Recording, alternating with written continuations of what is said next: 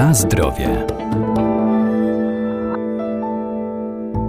Jedzenie należy do przyjemności, czasami jednak spożyte potrawy nie dają o sobie zapomnieć. Co zrobić, by uniknąć problemu? Jak zmniejszyć dyskomfort? Przede wszystkim wsłuchać się w swój organizm i wyeliminować produkty, które nasilają dolegliwości. Dotyczy to także żywności powszechnie uznawanej za zdrową.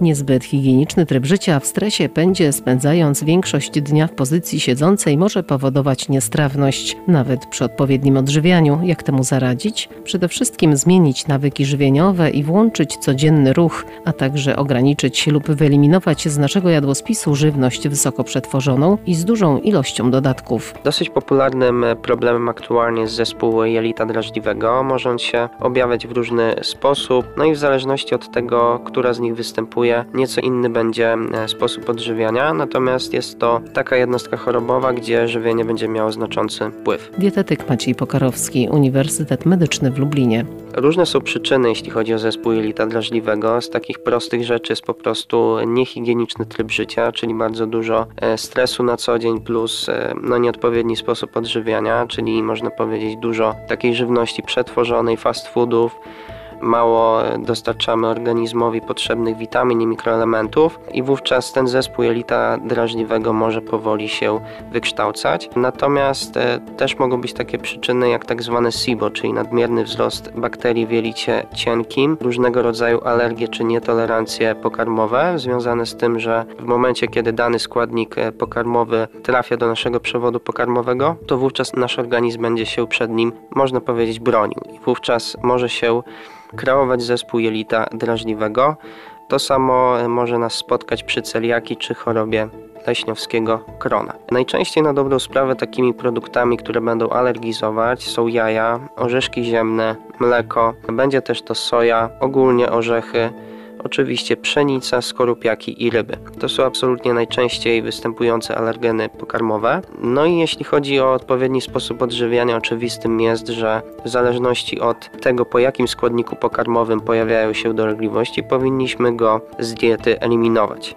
Natomiast w momencie, kiedy nie wiemy, jaki produkt może powodować dane dolegliwości, wówczas można zastosować taki sposób żywienia, który nazywamy dietą FoodMap i polega on na rezygnacji ze słabo przyswajalnych węglowodanów. Na zdrowie.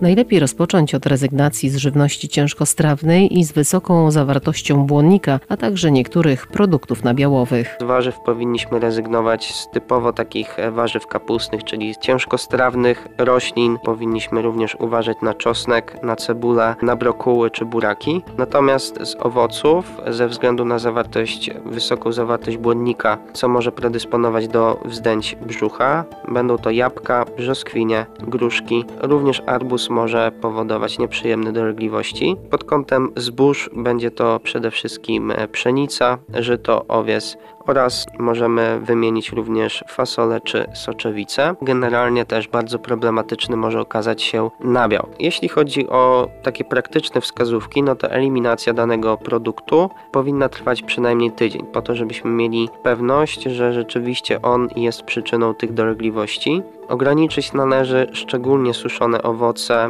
i duże porcje owoców, ponieważ e, one mogą negatywnie wpływać na pracę jelit. No i najczęściej takie top, jeśli chodzi o produkty, które wywołują takie mm, problemy, będzie to po pierwsze czosnek, będzie to też chleb żytni, grzyby oraz kalafior.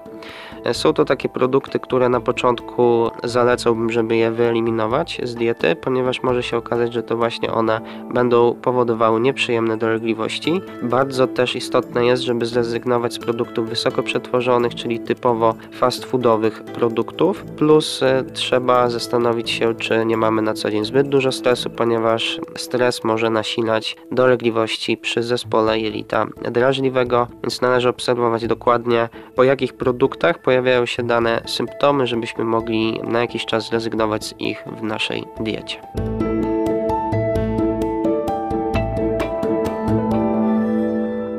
Pamiętajmy też, że zdrowa dieta to nie tylko odpowiednie nawyki żywieniowe, ale także codzienny ruch i aktywność fizyczna. A jeżeli zdecydujemy się na zmiany stylu życia czy odchudzanie, to warto skonsultować się z dietetykiem bądź lekarzem.